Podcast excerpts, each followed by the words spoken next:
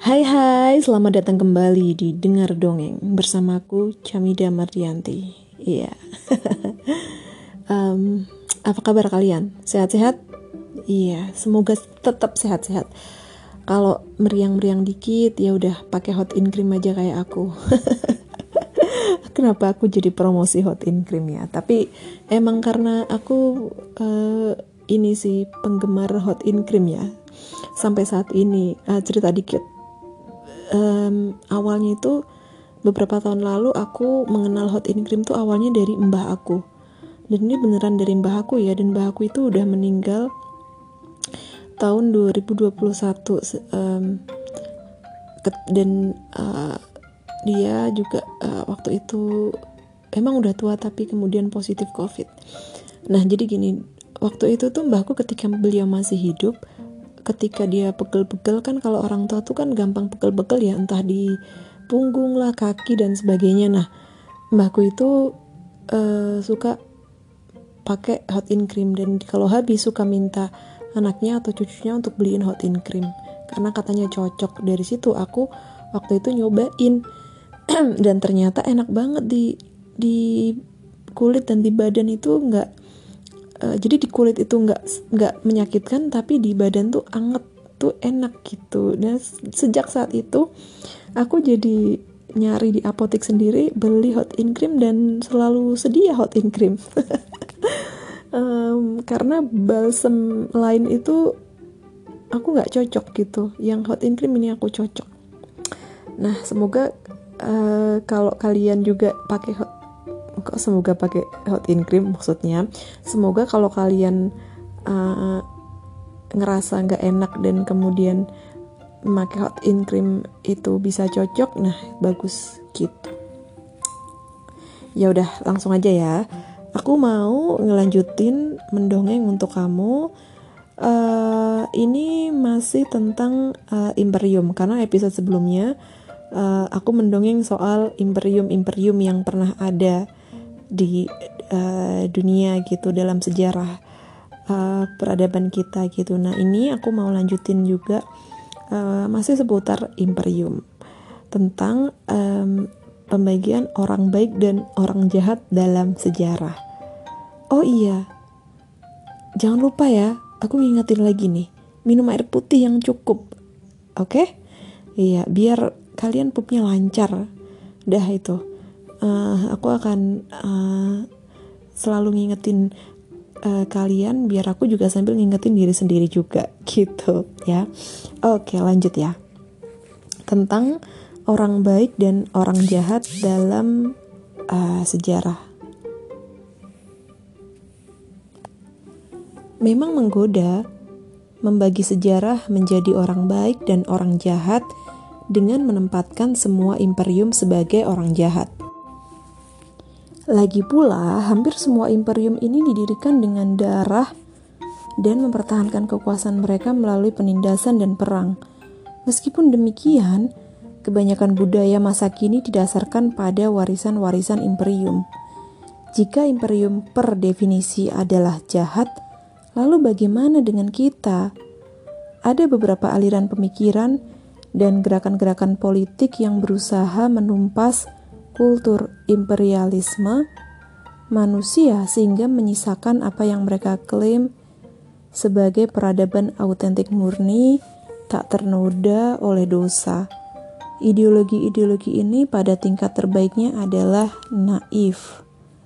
Pada tingkat terburuknya adalah kedok licik bagi nasionalisme dan kefanatikan yang kasar.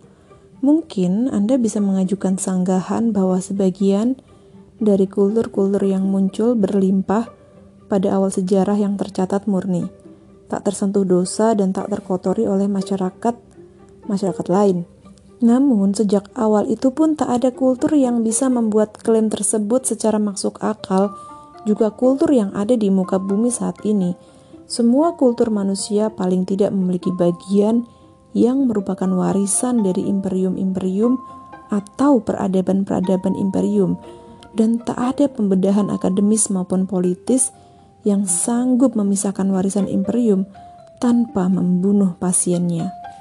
Pikirkan misalnya tentang hubungan cinta benci antara Republik India masa kini dan Raja Inggris. Penaklukan oleh Inggris dan penjajahan India membunuh jutaan orang India dan bertanggung jawab atas penghinaan terus-menerus serta eksploitasi ratusan juta lainnya. Meskipun demikian, bangsa India mengadopsi dengan gairah para pemeluk baru ide-ide barat seperti penentuan nasib sendiri dan hak asasi manusia, serta kecewa ketika Inggris menolak untuk menghidupkan nilai-nilai yang mereka deklarasikan sendiri dengan memberi pilihan kepada pribumi India hak-hak setara sebagai jajahan Inggris atau kemerdekaan. Bagaimanapun, negara India modern adalah anak dari Imperium Inggris. Inggris membunuh, melukai, dan menyiksa para penduduk anak benua itu, tetapi mereka menyatukan sebuah mosaik yang membingungkan kerajaan-kerajaan, daerah-daerah, dan suku-suku yang saling berperang, menciptakan sebuah kesadaran nasional bersama dan sebuah negara yang berfungsi kurang lebih sebagai sebuah satu kesatuan politik tunggal. Mereka meletakkan fondasi bagi sistem yudisial India, menciptakan struktur pemerintahannya, dan membangun jaringan kereta api yang penting bagi integrasi ekonomi. Negara India merdeka mengadopsi demokrasi barat dalam penjelmaan keinggrisannya sebagai bentuk pemerintahan. Bahasa Inggris masih menjadi bahasa pemersatu atau lingua franca anak benua itu, sebuah bahasa netral yang bisa digunakan penutur asli Hindi, Tamil, dan Malayalam untuk berkomunikasi. Bangsa India adalah pemain kriket dan peminum teh chai yang bersemangat. Dan baik olahraga maupun minuman itu merupakan, warisan dari Inggris. Perkebunan teh komersial tidak ada di India sampai pertengahan abad ke-19 ketika teh diperkenalkan oleh British East India Company. Para sohib Inggrislah yang menyebarkan kebiasaan minum teh ke seluruh India. Berapa banyak orang India kini yang mau menyerukan pemungutan suara untuk melepaskan diri mereka dari demokrasi, Inggris, jaringan kereta api, sistem legal, kriket, dan teh atas dasar bahwa semua itu warisan imperium. Andai pun mereka melakukannya, bukankah aksi menyerukan pemungutan suara untuk memutuskan isu tersebut menunjukkan mereka berhutang pada para bekas tuan mereka? Andai pun kita menolak sepenuhnya warisan sebuah imperium brutal dengan harapan merekonstruksi dan melindungi kultur-kultur autentik yang mendahuluinya, dalam sebuah probabilitas yang akan kita bela tak lebih dari warisan satu imperium yang lebih tua dan tak kurang brutalnya. Mereka yang membenci mutilasi kultur India oleh Raja Inggris tak terelakkan menguduskan warisan-warisan Imperium Mughal dan penaklukan Kesultanan Delhi dan siapa pun yang berusaha menyelamatkan kultur India autentik dari pengaruh-pengaruh asing yang dibawa Imperium Muslim ini menguduskan warisan Imperium Gupta, Imperium Kushan, dan Imperium Maurya.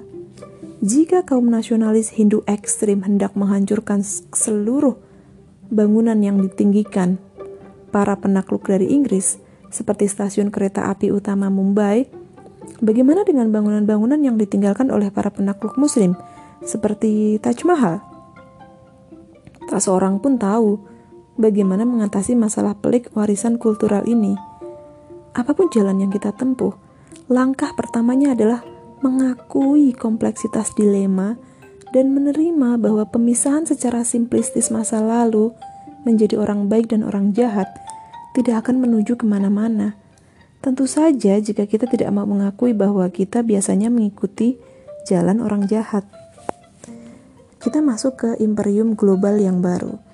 Sejak sekitar tahun 200 sebelum Masehi, sebagian besar manusia hidup dalam imperium-imperium.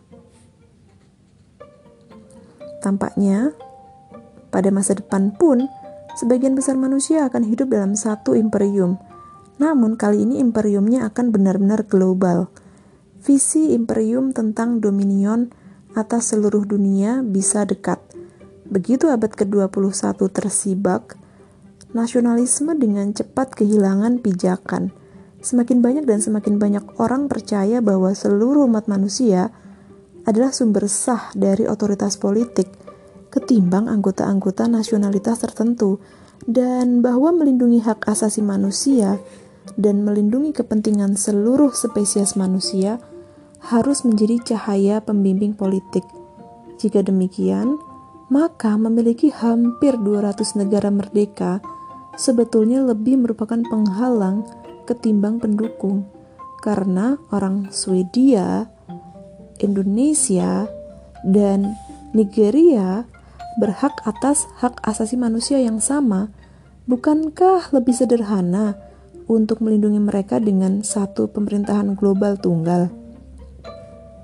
Munculnya problem-problem global yang esensial seperti mencairnya gunung-gunung es, menggerogoti apa pun legitimasi yang tersisa pada negara-negara bangsa merdeka. Tak ada negara berdaulat yang akan sanggup mengatasi pemanasan global sendirian mandat Cina dari langit diberikan oleh langit untuk mengatasi masalah umat manusia. Mandat modern langit akan diberikan oleh umat manusia untuk mengatasi masalah langit, seperti lubang lapisan ozon dan akumulasi gas rumah kaca. Warna imperium global mungkin akan hijau. Sampai 2013, dunia masih terfragmentasi secara politik, tetapi negara-negara dengan cepat mendeklarasikan kemerdekaannya tak satu pun dari negara-negara itu yang benar-benar mampu mengeksekusi kebijakan ekonomi secara independen, mendeklarasikan dan melancarkan perang sesukanya, atau bahkan menjalankan urusan internalnya sendiri yang dianggap pas. Negara-negara semakin terbuka kepada mekanisasi pasar global pada interferensi perusahaan-perusahaan dan organisasi-organisasi non-pemerintah global dan pada supervisi opini publik global serta sistem yudisial global. Negara-negara wajib mematuhi standar-standar perilaku finansial, kebijakan lingkungan, dan keadilan global. Derasnya aliran modal, buruh, dan informasi mengubah dan membentuk dunia dengan semakin mengabaikan batas-batas serta opini-opini negara imperium global yang sedang disatukan di depan mata kita tidak diatur oleh satu negara atau satu kelompok etnis tertentu mana pun.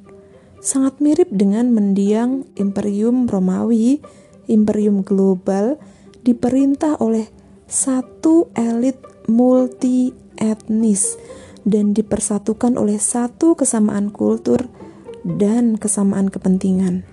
Di seluruh dunia, Semakin banyak dan semakin banyak pebisnis, insinyur, ahli sarjana, pengacara, manajer, semuanya terpanggil untuk bergabung dalam imperium ini.